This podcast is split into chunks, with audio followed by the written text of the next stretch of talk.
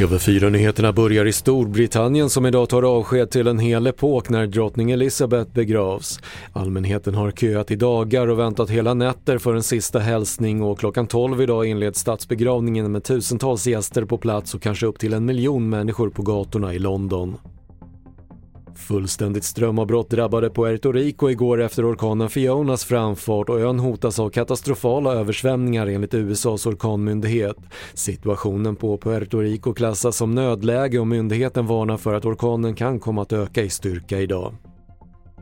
Och bojkotten av ryska satellituppskjutningar väntas ge ett uppsving för den svenska rymdbasen S-Range i Kiruna.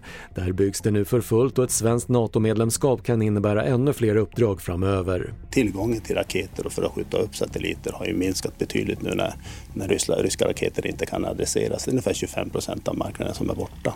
Det sa Lennart Poromaa på S-Range Space Center. Och fler nyheter hittar du på tv4.se. Jag heter Patrik Lindström.